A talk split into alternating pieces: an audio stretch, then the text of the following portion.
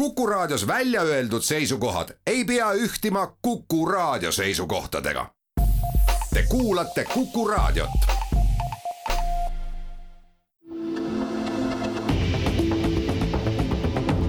kahevahel. kahevahel Kuku raadio igareedene vestlussaade Kahevahel alustab ja meil, Ainar Ruussaarel ja Timo Tarvel saatejuhtidel on ütlemata hea meel võõrustada meie vahel majandus- ja taristuminister Riina Sikkutit. tere päevast, Riina! tere päevast! Riina, meil on Euroopa kiireim inflatsioon, Euroopa kõrgemad eluasemekulud, LNG laev Eestisse ei tule. miks me teiste Euroopa riikidega võrreldes nii kehvas seisus oleme? No ongi, oleneb, kui, millise nurga alt vaadata, ma arvan, Eesti on väga paljudes tippudes, kus me tahame olla. aga LNG laeva puhul noh, ma ei tea, kas see nüüd on ajaloost tulenevalt, see valge laev on kuidagi sümboolse tähtsusega. kui me vaatame varustuskindluse tagamist, siis noh, tegelikult peaks iga, ma ei tea, gaasiga kodusoojashoidja või, või tööstuse jaoks olema oluline just see, et varustuskindlus on tagatud. kas seda tehakse kanistri, lennuki või laevaga, ei ole nii oluline ja eh, tõesti, kuna soomlaste renditud oli see laev kümneks aastaks, meie kevadel sellisele otsusele ei jõudnud, siis Eesti valitsusel ei ole võimalik öelda, kuhu soomlased oma laeva viivad. ükskõik, kui palju me seda tahaksime teha. no millest see, millest see jutt üldse tuli, et see laev tuleb Paldiskisse, ehitame kai, kus keegi hakkas ju häma, häma ajama siis sel juhul? ei no see kevad..., see, see, et soomlased rendivad seda laeva, see oli teada. jaa, aga kevadel ühtlasi ja miks ma arvan, soomlased nii kiiresti selle otsuse tegid, kevadel üle Euroopa oli tunne, et järgmise talve kõige suurem mure on gaasi kättesaadavus. ja kõik pingutasid ja soomlased rentsid laeva ja nendel niivõrd heas asukohas, niivõrd, ma ei tea, ehitusvalmis eh, kai ja toruühenduse kohta ei olnud eh, eestlased novembri lõpuks ehk nagu enne, enne talve oma kaise oleks valmis saanud ja kokku lepitigi, et edaspidi on laev Soomes esimesel talvel seal, kus kai esimesena valmib ja vaikimisi arusaam, kuigi ei mainitud, et see on Paldiski. et Paldiskis saab varem valmis ja täpselt nii see ongi. nüüd pärast selle kokkuleppe tegemist äh, Venemaa keeras Soome jaoks gaasikraanid kinni. ja noh, see mõnevõrra üllatab, et, et väga paljude riikide jaoks varustuskindluse tagamine sõltus Venemaast ja seda riski ei hinnatud kuidagi äh, tõsiseks, et midagi võiks juhtuda. ja, ja kui Venemaa gaasikraanid olid kinni siis tulid meil suvised need elektri tipuhinnad ja oli näha, et võib-olla tõesti on vaja ka talvel kõik gaasijaamad töös hoida. Soomes erinevalt Eestist on gaasijaamu vist üle kuuesaja megavati ja noh, siis tulid Nord Streamid mis ühest torust sõltumise tegid, tegidki riskantseks. et noh, ja kõike seda arvestades soomlased arusaadavalt pingutasid, tõstsid tempot ja saavad ka oma kai, kinnitavad, et saavad oma kai enne aasta lõppu valmis. nii et selles mõttes ta on loogiline. nüüd Eesti puhul, miks meie pingutasime?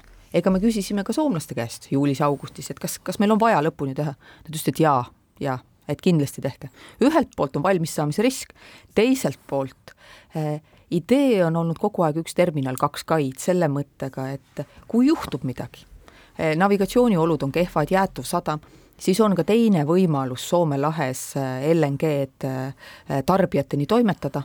Ja see, see ei ole kuidagi asjatu pingutus, sest seni oli Eesti ainus riik Soome ja Baltikumi piirkonnas, kellel ei olnud ei mahutit ega LNG vastuvõtuvõimekust.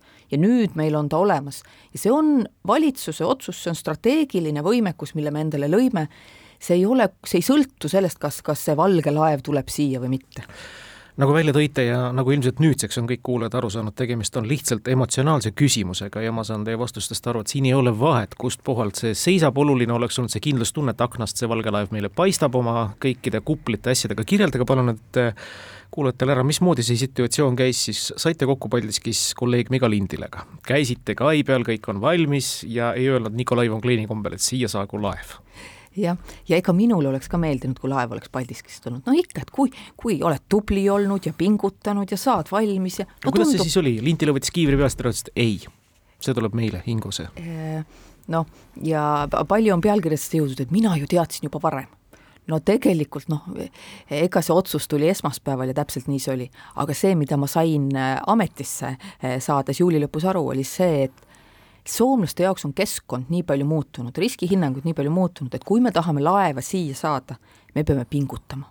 ja sellepärast noh, esiteks me soovisime kiiret kokkulepet, noh teiseks tõesti ka kindlust, et nad saavad valmis, et nende navigatsiooniolud võimaldavad neid LNG laevu ja seda, seda taasgaasistamist laeva sinna ikkagi turvaliselt toimetada ja nii mitmel rindel, ka, ka peaminister ja kõik tegelesid sellega, et saada see otsus, et laev tuleb Eestisse täna me räägime teiega siis neljateistkümnendal oktoobril, ega juba on esimesed rajutuuled ka tulnud ja, ja me räägime juba sügistormidest võrdlemisi, soe on õnneks veel olnud.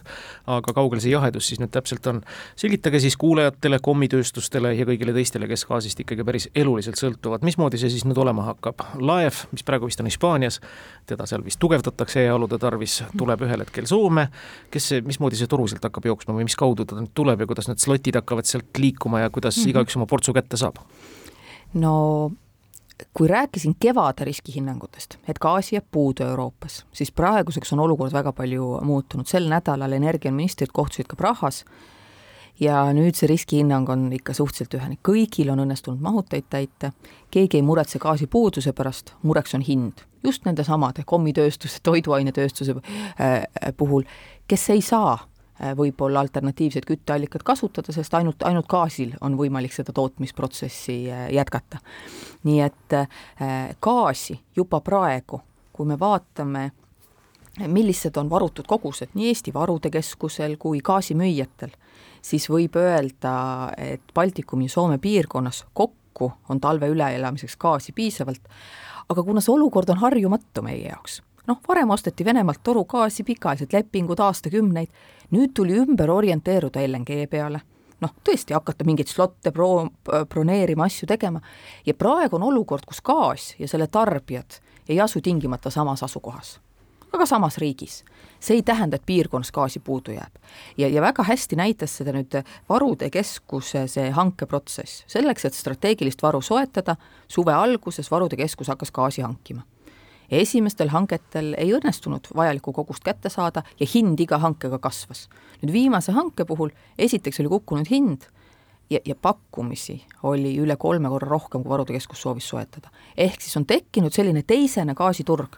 gaas ja, ja tema tarbijad järjest leiavad teineteist siin Baltikumi ja Soome piirkonnas, see on olnud selline kohanemisprotsess ja kahtlemata LNG laeva olemasolu noh, kuna tema maht on nii suur, aasta jooksul ta taasgaasistab sama palju gaasi, kui Eesti kümne aasta jooksul tarbib. et, et ta katab ära nii Soome kui Eesti vajaduse, jätkub Lätile ja Leedule veel ka. et siis äh, see varustuskindluse olukord on oluliselt paranenud ja nüüd me peaks noh, ma ei tea, pingutama, lootma, et kui gaasi kättesaadavus on nii palju parem kui arvatud, et loodetavasti ka hind hakkab kukkuma. gaas liigub mööda toru, eks ole ju jaa. Äh,. lugesin Soome ajakirjandusest, et äh, laev läks Soome kai äärde osaliselt ka sellepärast, et soomlaste tarbimine on Eesti oma gaasitarbimine nii palju suurem. Ja see toru, mida mööda gaas liigub, et kui see LNG laev oleks Eestis, siis me ei saaks mööda seda toru lihtsalt soomlaste vajadusi rahuldada, on see nii? just, ja vot, et kui nüüd et algus... asi on torus ja kui, kui nüüd oli alguses küsimus, et noh, kuidas Eestil nii kehvasti, no vot, kui toru ehitati, Eesti ehitas sellise toru, mis katab tema tipuvõimsuse. et toru kaudu me saame Eesti jaoks kogu vajaliku gaasi ka importida. kolm koma viis teravatti. aga soomlaste jaoks, kuna neil olid ka Vene gaasitorud, siis nemad ei näinud vajadust teha piisavalt suurt toru, mis nende tarbimist kataks. ja tõepoolest, soomlaste jaoks see toru jääb väikeseks, et kui Venemaalt midagi ei tule ja kogu gaas peaks tulema meiepoolselt kaldalt, siis neile sellest ei piisa. nii mis... lihtne ongi. jah, jah noh, ju oli seda emotsiooni ja vahtu. asi on torus. asi on torus. Riina, mis saab sellest kaist? ühtepidi on väga tore, meil on Poliisina olemas lugu, juhul kui nüüd Ingo sadam ikkagi kinni jäetud, laev ei saa seal toimetada või teha või noh, tont, tont jääb, mis ta on Venemaale lähemal ka. et siis on tore, Paldiskis on ta nii-öelda reservina olemas, kellele see kai nüüd kuuluma täpselt hakkab? Ehm, see oli valitsuse otsus, et, et, et kai ja toru ühendus Eestis on vaja luua LNG vastuvõtuvõimekuse tagamiseks. nüüd tööd Äh, kai ehitusega muidugi tegi erasektor ja äh, ükskõik, kui, kui vähe meile meeldib see laeva mittetulek, see, see ei ole kuidagi asjata töö või tasuta tehtud töö juuli lõpus, selleks, et kindlustada kai tähtaegne valmimine, valitsus ühtlasi otsustas eh, ka selle, et eh, need kai ehitamiseks tehtud kulud kaetakse, kolmkümmend kaheksa miljonit on varude keskusele juba ja otsusega suunatud, et kui erasektoril on soov kai riigile müüa, siis seda saab teha. sest see oli riigi strateegiline huvi, mille jaoks neid töid tehti. nüüd seda, et kai on olemas, saab, saab ilusti novembri lõpuks valmis kõik ja toruühendus, see tähendab, et sinna on võimalik laev tuua. seda ei pea tegema riik, seda võib teha ükskõik, milline ettevõte või gaasimüüja. nüüd, ja kui me selle talve varustuskindluse puhul oleme juba muutunud optimistlikuks, siis järgmise talve osas on tegelikult lood oluliselt kehvemad, sest selle talve varud soetati suuresti Vene gaasi baasil. kõik need kaheksakümmend ja üheksakümmend protsenti mahutite täituvused ja edetabelid, mida avaldatakse, seal oli Vene gaas. nüüd kevadeks, eriti kui peaks tulema külm talv, on mahutid tühjad. ja neid tuleb nüüd täita ilma Vene gaasita. Tuleb, LNG nõudlus kasvab oluliselt ja, ja kui LNG järg, enne järgmist talve noh, tõesti on hea äri, siis küsimus on, et võib-olla keegi soovib kaid sihtotstarbeliselt kasutada. enne kui läheme pausile, küsin veel ühe minu jaoks väga olulise küsimuse. Viimastel nädalatel on väga palju uudiseid sellest, kuidas torujuhtmeid on rünnatud seal on olnud plahvatus. kas meie Balticconnectori toru on turvaline, kaitstud, kuidas kaitstud, seda te ei saa öelda? Ei saa. on siis turvaline? Noh, tõesti, ega Nord Stream oli, ma arvan, ehmatus suure osa Euroopa jaoks. et kui me muidu me rääkisime küll, et Venemaa peab energiasõda Euroopa vastu, siis me mõtlesime noh, sellist abstraktset sõda, tead, hinnad, torude kinni-lahti keeramised, mitte seda, et plahvatused hakkavad või, või mingi diversiooniaktid hakkavad Euroopas toimuma.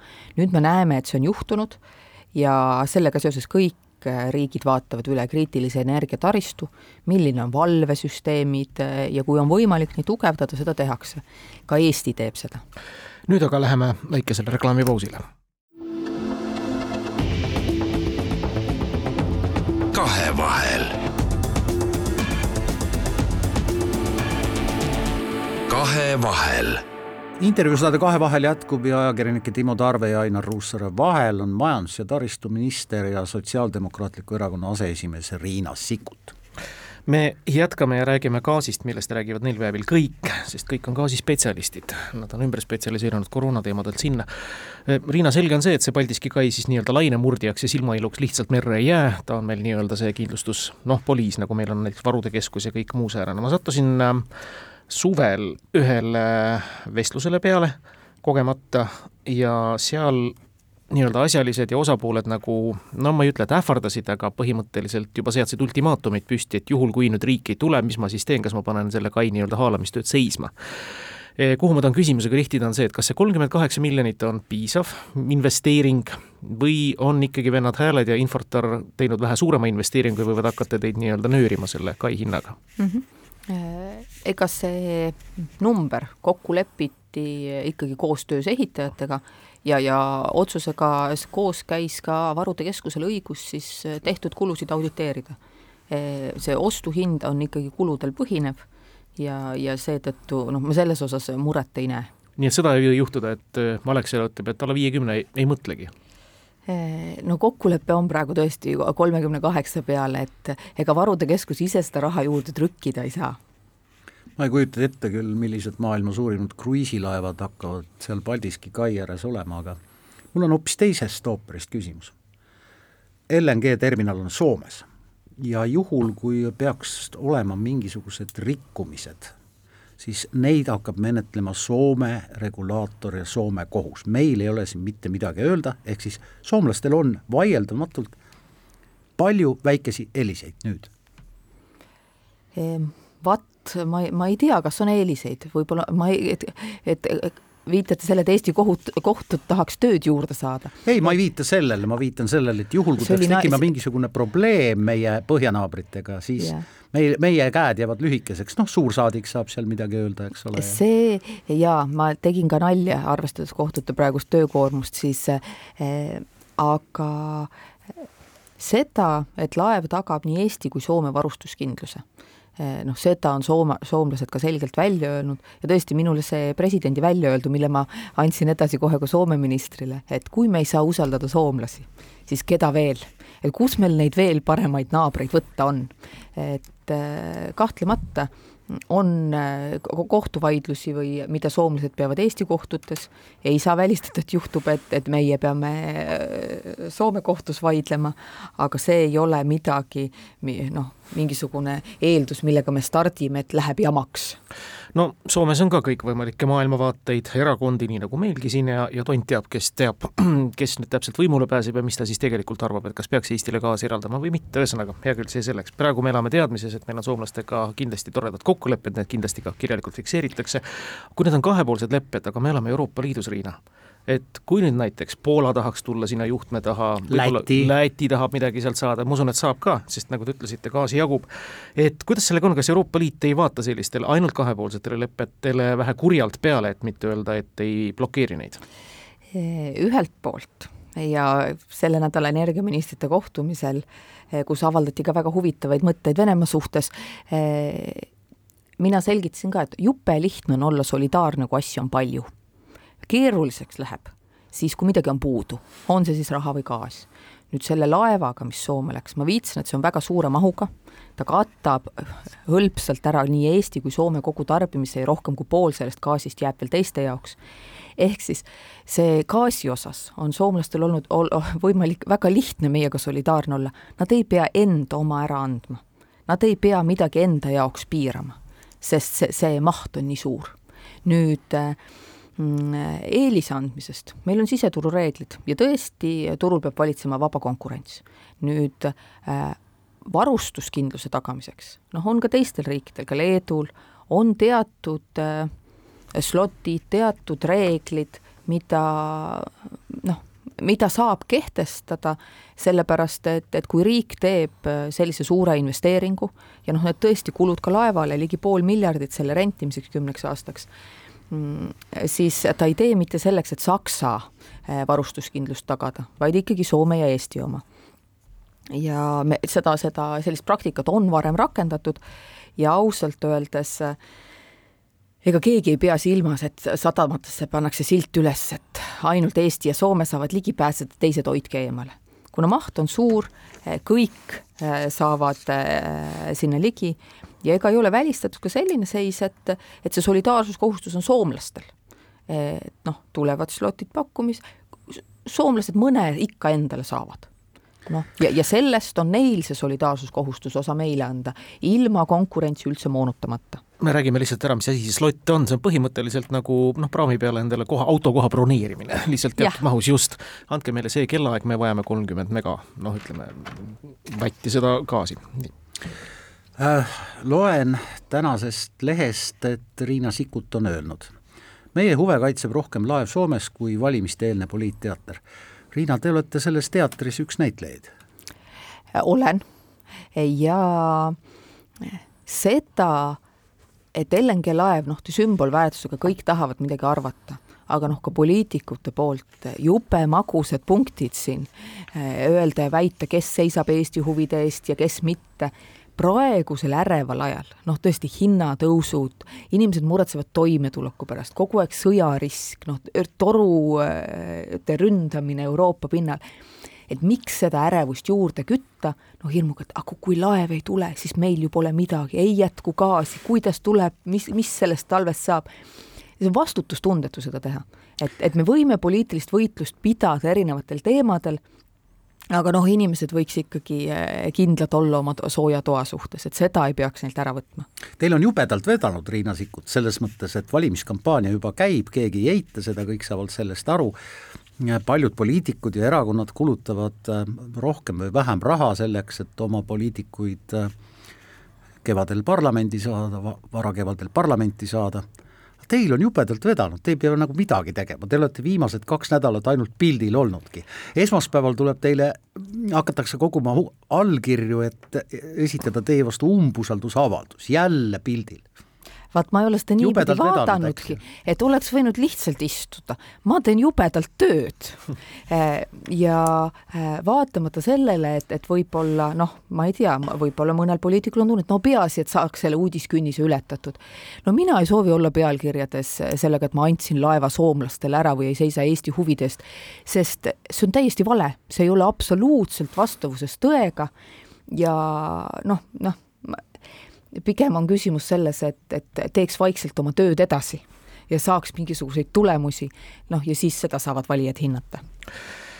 Kuidas nüüd sellega on, me räägime gaasist kui praktiliselt nii-öelda ainsast tegurist ja faktorist, mis meid kõiki päästab ja nii-öelda soojema tuleviku talve poole viib ja aitab meil üleüldse maailma lõppu üle elada, noh piltlikult öeldes on seda niimoodi serveeritud, aga jumal hoidku, meil on ju ka põlevkivi, meil on veel tuult, vett, tõsi küll, ega selle tuule ja vee kinnipüüdmiseks nüüd viimased kümme aastat midagi tehtud ei ole, nüüd hakati liigutama nende jaamade puhul. Te ise lähete täna Ebaverre avama biogaasijaama, neid alternatiivseid allikaid on veel.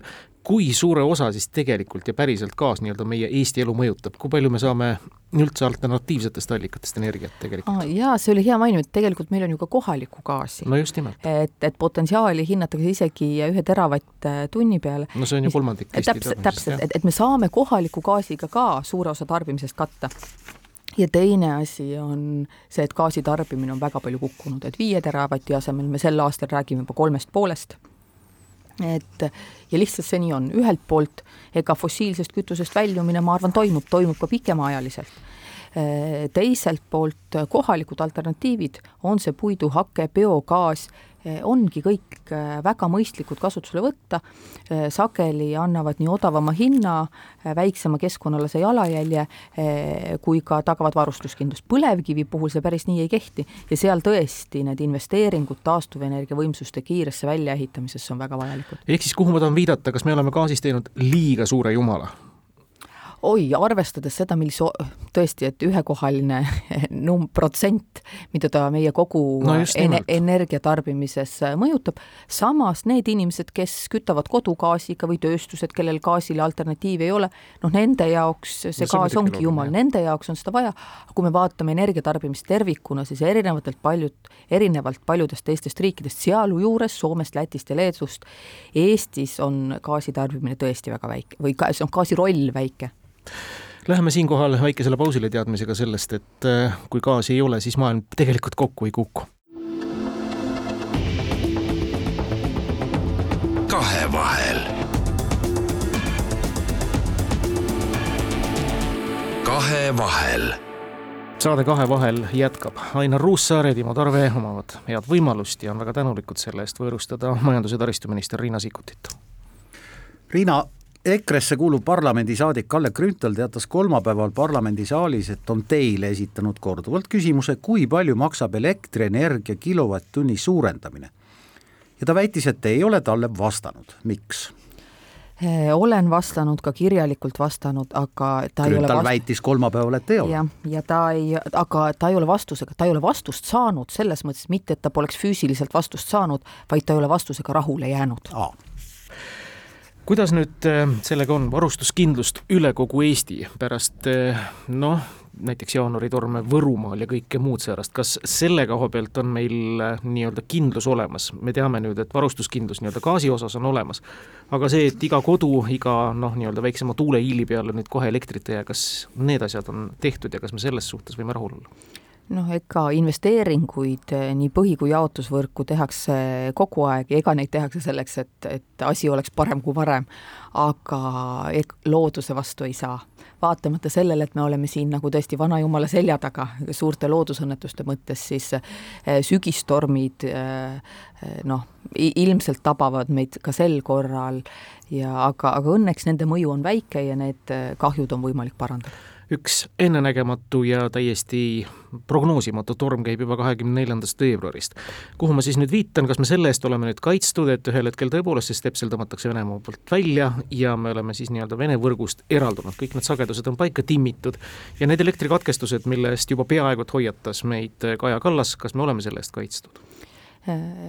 Nüüd eh, tõesti selle sõja ja Euroopa vastu peetava energiasõja puhul eh, noh, ongi paradoksaalne, et eh, vaatamata sellele, et sellel talvel nii sütt kui põlevkivi põletatakse rohkem kui varem ja noh, Saksamaa isegi oma tuumajaamad jätab siin mõned töösse, siis tegelikult on see kiirendanud taastuvenergiale üleminekut et jah, ajutiselt äh, oleme keskkonda saastavamad, aga see, mis tempos taastuvenergia võimsusi püsti hakatakse panema, see on ikkagi üllatav.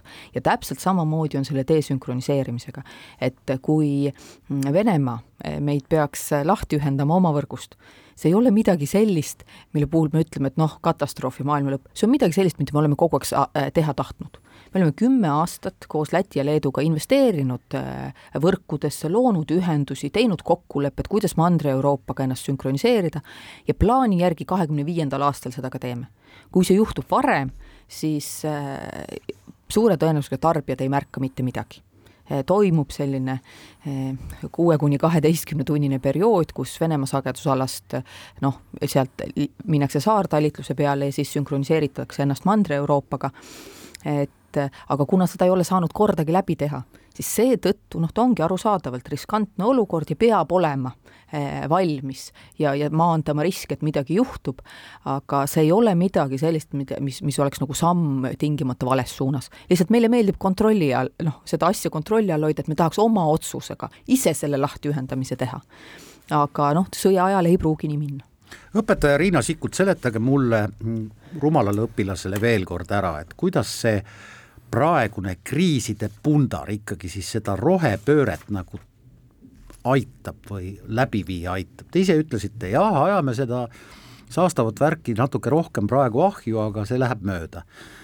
kuidas ta siis mööda läheb, miks ta peaks mööda minema, üha rohkem on ka poliitikuid, kes ütlevad, et ah, lükkame seda rohepööret edasi või teeme ta leebemaks või nii edasi. Äh nii kaua, kui torude kaupa, kaudu tuli Euroopasse odavat fossiilset gaasi, noh, ei ole põhjust ju, noh, mis, mis sa teed nüüd nii ebameeldiva otsuse, et, et kahe aastaga lõpetame selle, selle toru otsas rippumise ära. et noh, ei teinud, ei teinud ka Saksamaa ju sellist otsust. nüüd, kuna see nii riskihinnang kui pilt on muutunud, ega kõik saavad aru, meil on vaja kohalikku, mitte seda, et me toome tankeritega naftat sisse või toru kaudu gaasi.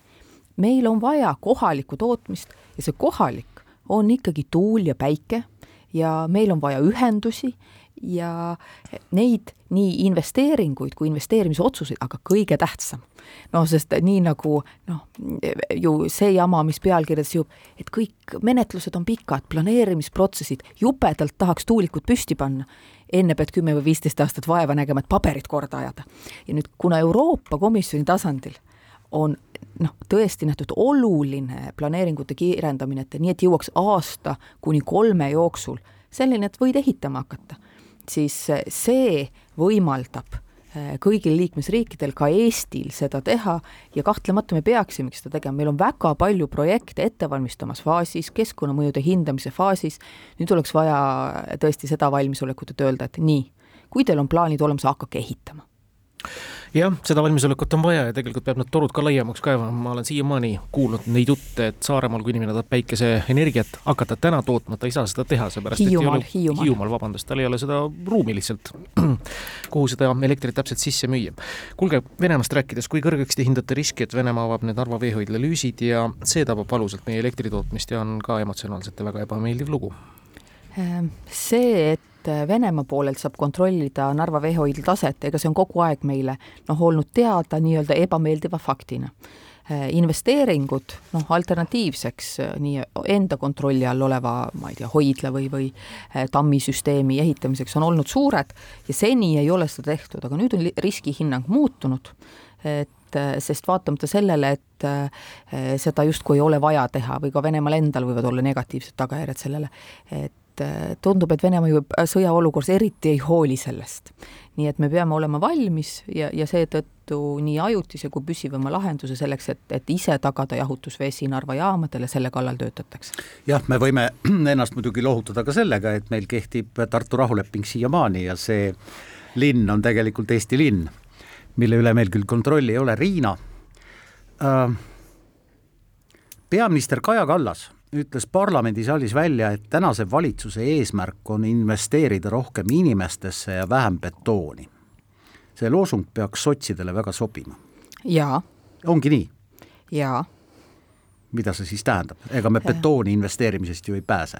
ei pääse ja seda ei ole ka peaminister väitnud, aga kui me vaatame otsuseid, eh, mis tehti nüüd ka eelarve läbirääkimiste raames, siis palgatõusud, noh, õpetajate palk, noh, mis tõesti hädavajalik, et inflatsiooniga sammu pidada ja, ja jõuda selleni, et eh, õpetaja ei pea tasu või õppejõud ei pea ka tasuta tööd tegema nii et äh, samamoodi päästjad, politseinikud, kultuuritöötajad, treenerid, et need inimesed, kes oma sissetuleku puhul äh, sõltuvad riigist, ja see oli väga oluline kulu, lisaks ega tulumaksuvaba miinimumi tõstmine, mis inimestele raha kätte jätab, see tähendab, et noh, riigieelarve jääb sellest rahast ilma. Et, et terve rida noh, inimeste sissetulekut tõstvad või suurendavaid meetmeid oli äh, kokku lepitud juba koalitsioonileppe raames, lisaks äh, kuna olud ei ole kuidagi paremaks läinud ka eelarve raames ma arvan, seda peaminister silmas pidaski, et et kui me vaatame otsuseid, mida eelarve läbirääkimistel tehti, siis väga paljud neist, väga paljud need sajad miljonid puudutasid inimeste toimetulekut võib-olla ma küsin natukene naiivselt, aga noh, kui inimeste sissetulek kõik väga kiiduväärt ja päris enneolematu tõus, kui osadel riigiametnikel on see palgatõus ikkagi sisse kirjutatud juba indekseerimisse, ehk ta on seotud sellesama inflatsiooniga, miks me teiste riigiametnike, õpetajate, päästjate, politseinike palka sinna külge ei õmble? jaa, ega täiesti õigustatud küsimus, et et kas kõigi äh, palgad peaksid olema samasuguse mehhanismi järgi või, või on kellelgi eelis. no aga on ju no, praegu. ei, ei, ongi, praegu on. Äh, seda seadusemuudatust äh, läbirääkimistel ei arutatud otseselt, aga ma saan aru, et miks ta tundub ebaõiglane, täiesti hea küsimus. betoonist rääkides kuidas meil nüüd on, Tartu maantee varsti see Mäo lõik saab valmis neljarealisena, meil on jälle lühem tee minna Võrusse või kusagile veel läbi Tartusse. aga mis nüüd siis lähiaastatel on teada või, või nii palju, kui on vihjatud, ega nüüd see suurema ehitustööga meie maanteedel on lõppemas? Äh, tõesti, noh ja kas see viide betoonile ühtlasi tähendas seda, et eelarveraam jäi suhteliselt kitsaks, noh, kõigil aastatel puudujääk äh, kuni äh, kaks kaks koma kuus protsenti SKP-st struktuurses mõttes ja eh, täiendavaid investeerimisotsuseid aastast kakskümmend neli ja edasi praktiliselt ei tehtud, see puudutab ka teede investeeringuid. nii et järgmisel eelarveaastal, et noh, kõik need, ma ei tea, Nianurme, Pikknurme lõigud ja mis siin on eh, plaanitud, kõigi nende ehitamisega minnakse edasi, raha ära ei võetud aga eh, täiendavate lõikude osas ka Tartu maanteel otsuseid ei tehtud. nüüd omaette küsimus on kallinemine. Eh, et kui, isegi kui summa jääb samaks, kui me paneme, ma ei tea, kakssada miljonit tee-ehitusse, panime poolteist aastat tagasi, paneme nüüd, paneme järgmisel aastal, siis selle kahesaja miljoni eest saab lihtsalt väiksema arvu kilomeetreid. et noh, see on see, mida kallinemine meile on toonud riigikogu arutas riiklikult tähtsa küsimusena riigiteede rahastamist ja lugesin seda stenogrammi mitu korda, opositsioon väidab, et enamus meie põhimaanteedest ei vasta absoluutselt Euroopa nõuetele. on see, on see tõesti tõsi mm? -hmm. Kui me tõesti, kui üle-euroopalist äh, sellist maanteede võrgustikku ka vaadata, kus Eestis noh, Tallinn-Tartu, Tallinn-Pärnu maanteed seal sees on, siis äh, ka need neljarealiseks ehitamise otsused on seotud sellega, et viia ta nende Euroopa sellise põhivõrguteede nõuetega vastavusse. Seda, et on ilus sile asfalt ja sõita saab, see on selge, aga just ohutusnõuded, on need mingisugused postid, tarrad, piirded, eh, et noh, samamoodi võib-olla ka teelaius, mingid juurdepääsuteed, mitmetasandilised ristmikud, et see on see, mida ilmselt mõeldi ja noh, neid investeeringuid tuleb kahtlemata teha, et selles osas need teed valmis ei ole. teeme siin veel väikese pausi ja siis jätkame. kahevahel kahevahel.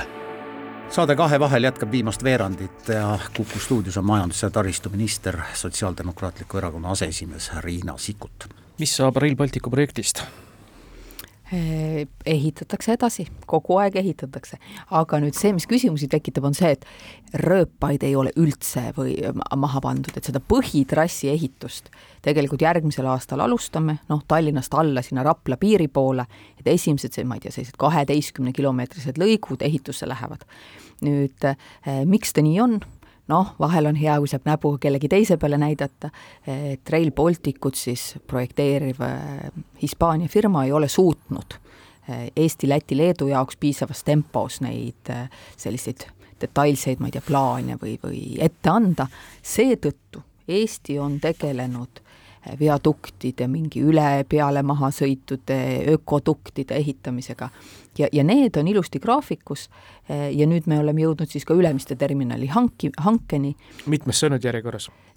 see üks hange, mis tõesti, kui hankida terminal kui tervik, siis see hind tuli noh, ligi kaks korda suurem, kui mm -hmm. me mhm. arvasime, aga see on tingitud sellest ebakindlusest, et kui, kui sa võtad mitmeaastase projekti ehitamise kohustuse, lepingu järgselt sa pead valmis saama, sul on eelarveraam väga selgelt ees, seda kallinemist arvestades noh, arusaadavalt ettevõte kirjutabki lõpp-pakkumisse väga palju sellist igaks juhuks hinda sisse, sest kui see kallinemine samas tempos jätkub, ega ta siis terminali lõpuks nagu oma kulude ja kirjadega ehitada ei taha. et sellise suure objekti hankimises selle riski maandamise summad, mis sinna sisse läksid, olid nii suured, et ta lihtsalt ei ole meile jõukohane, seega me hangime seda mitmes erinevas osas, väiksemates juppides, lühema tähtajaga, et oleks võimalik paremini ette ennustada, milliseks see töö maht ja hind kujuneb ja sellist riskipreemiat ei pea pakkumisse nii palju sisse panema. nii et sellega minnakse etapiviisiliselt edasi, hakatakse põhitrassi ehitama ja, ja kõik need kaasnevad objektid on, on pigem vist heas tempos valmis. Teil on kindlasti teadmine, et meie lõunanaabrid, lätlased ja leedukad, ega nad ei ole seda Rail Balticu paberit laua pealt maha lükanud, nad ka ikka midagi teevad?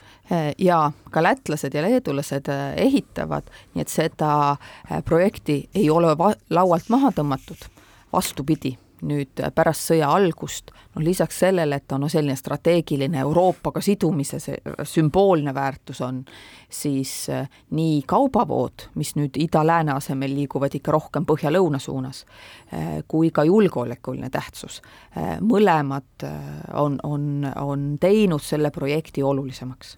Ma ikka mõtlen, kas neid rööpaid ja rööpa tegijaid üldse jagub, neid, kes füüsiliselt neid valmis teeb, seepärast et maailma suurim tootja oli ju Azovstal Mariupolis, mis praegu mõistetavatel põhjustel rööpaid enam ei tee räägime sisepoliitikast ka, selge, et valimisvõitlus on alanud ja see periood mõjutab meie kõigi elu kuni märtsikuuni välja ja noh, tont teab, mis, mis tuulte suunas see veel kõik ära pöörab, aga kindlasti käib valimisvõitluse juurde ka kõikvõimalikud heakskiidud, deklaratsioonid, mis puudutavad nii-öelda toetust Ukrainale.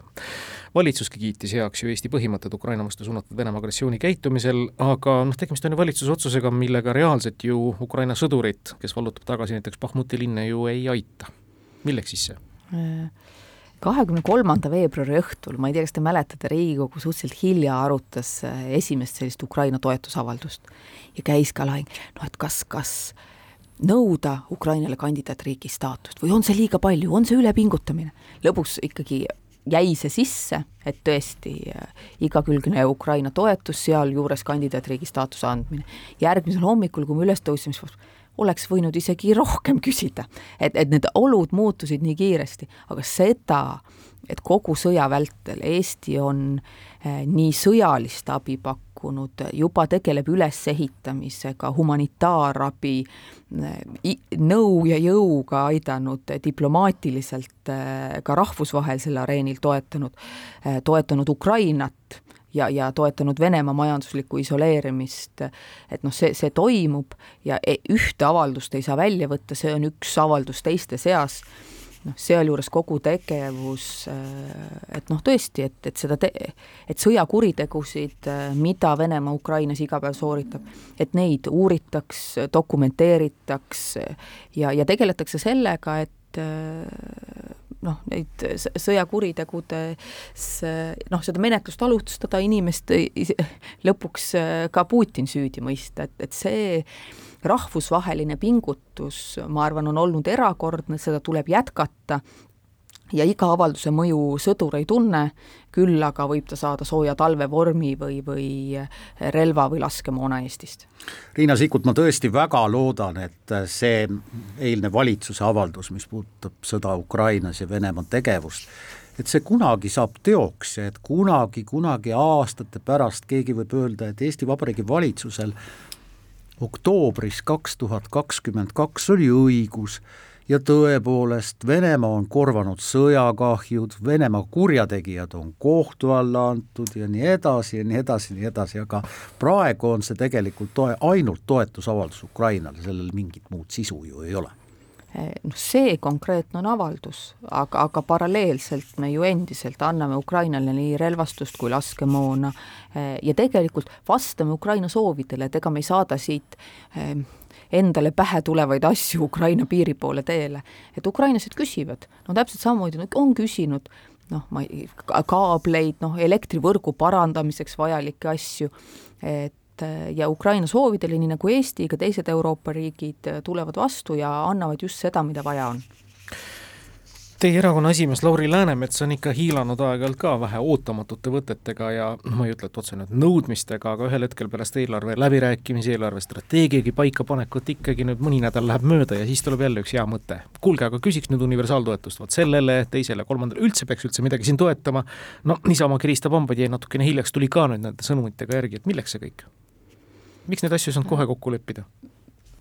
seda, et äh, tingimused või olud muutuvad, nii nagu me rääkisime gaasivarustuskindluse hinnangute puhul, noh sellest, et kahekümne kolmanda veebruari õhtu ja kahekümne neljanda veebruari hommiku vahel oli väga suur äh, muutus. et seda ka hinnatõusu tõttu äh, hinnangud sellele, mil määral inimestele appi tulla, need võivadki muutuda. no kahe no, nädalaga need hinnad nii palju ka ei tõusnud jah, aga eh, võib-olla kahe nädala jooksul ei küsitud ka Laurilt arvamust ja kui kaks nädalat hiljem küsiti, siis ta ütles seda, mida ta oleks öelnud võib-olla ka mõnel muul ajal. et, et ma arvan, seal on väga palju juhuslikkust sees, aga seda, mil määral inimestel praeguses kriisis appi tulla, noh, seal on arusaadavalt erinevad arvamused ka erinevatel erakondade esimeestel või, või erakondade liikmetel. sotside aseesimees Riina Sikkut, mis Tartus juhtus? mis mõttes Tartus? No äh, ülikooli linnavolikogust ja ka teie erakonnast lahkus Karl Aaron Aatson, kuna ta tegi Savisaart ehk siis lindistas salaja, mis Tartus juhtus? mina, ma täpselt ei tea, mis Te olete aseesimees parteis. ja, ja aga ei, ma täpselt nii, täpselt nii palju ma teangi, kui te küsisite, et seda, et fraktsioonist mõni liige lahkub ikka juhtub, juhtub Riigikogus, juhtub kohalikes omavalitsuses. jah, õnneks mitte sellepärast, et keegi on kedagi salaja lindistanud, see ei ole igapäevane. jah, ma loodan ka, et see ei ole igapäevane, nii et, et tõesti selline kahetsusväärne juhtum oli. Te ei tea, keda ta lindistas salaja? ei, ma ei tea, keda ta lindistas mingi koosolek, nagu ma lugesin, aga noh, noor inimene küllap aru saab, et ei, ei olnud võib-olla hea mõte. lõpetuseks Riina Sikkut, te olete ju oma erialalt tegelikult olnud tervishoiuanalüütik, te olete sotsiaalpoliitika planeerija ja nii palju, kui ma olen kuulnud, väga hea selles ametis olles. kolm kuud majandusministri ametit, olete te jõudnud mõelda, et on seda nüüd vaja mulle olnud? kõiki neid gaasikriise, seda sõimu, esimest umbusaldusavaldust ja kõike muud säärast? no vot, ma nüüd ei tea, kas ma julgen eetris öeldagi. Öelge, öelge. suurepärane aeg on olnud, mulle väga meeldib, et, et nii energeetika, ehitus, transport kui merendus, need valdkonnad, mis ma katan, Eh, noh, sisuliselt huvitavad, on võimalik kõigis eh, edasi minna, teha, teha olulise mõjuga poliitilisi otsuseid, nii et eh, vaatamata sellele, et pealkirjade järgi tundub kogu aeg kohutav möll ja andmine, siis see sisu on palju rahulikum ja huvitavam ja ma arvan, Eesti jaoks ka suuremat kasu toov. kellest saab Transpordiameti uus juht? vot seda mina veel ei tea ministrile tehakse ettepanek tippjuhtide vist valikukomisjoni poolt, aga veel seda ettepanekut minuni ei ole jõudnud. mõni siseringi inimene kindlasti, eks ju? ma ei oska öelda seda. Mhm. -huh vähemalt see möll, mis äh, teie valdkonna ümber viimasel ajal käib, noh, teeb kindlasti tugevaks. aitäh, Riina Sikkut, et tulite täna saatesse Kahe vahel, soovime teile edu! aitäh! kahevahel kahevahel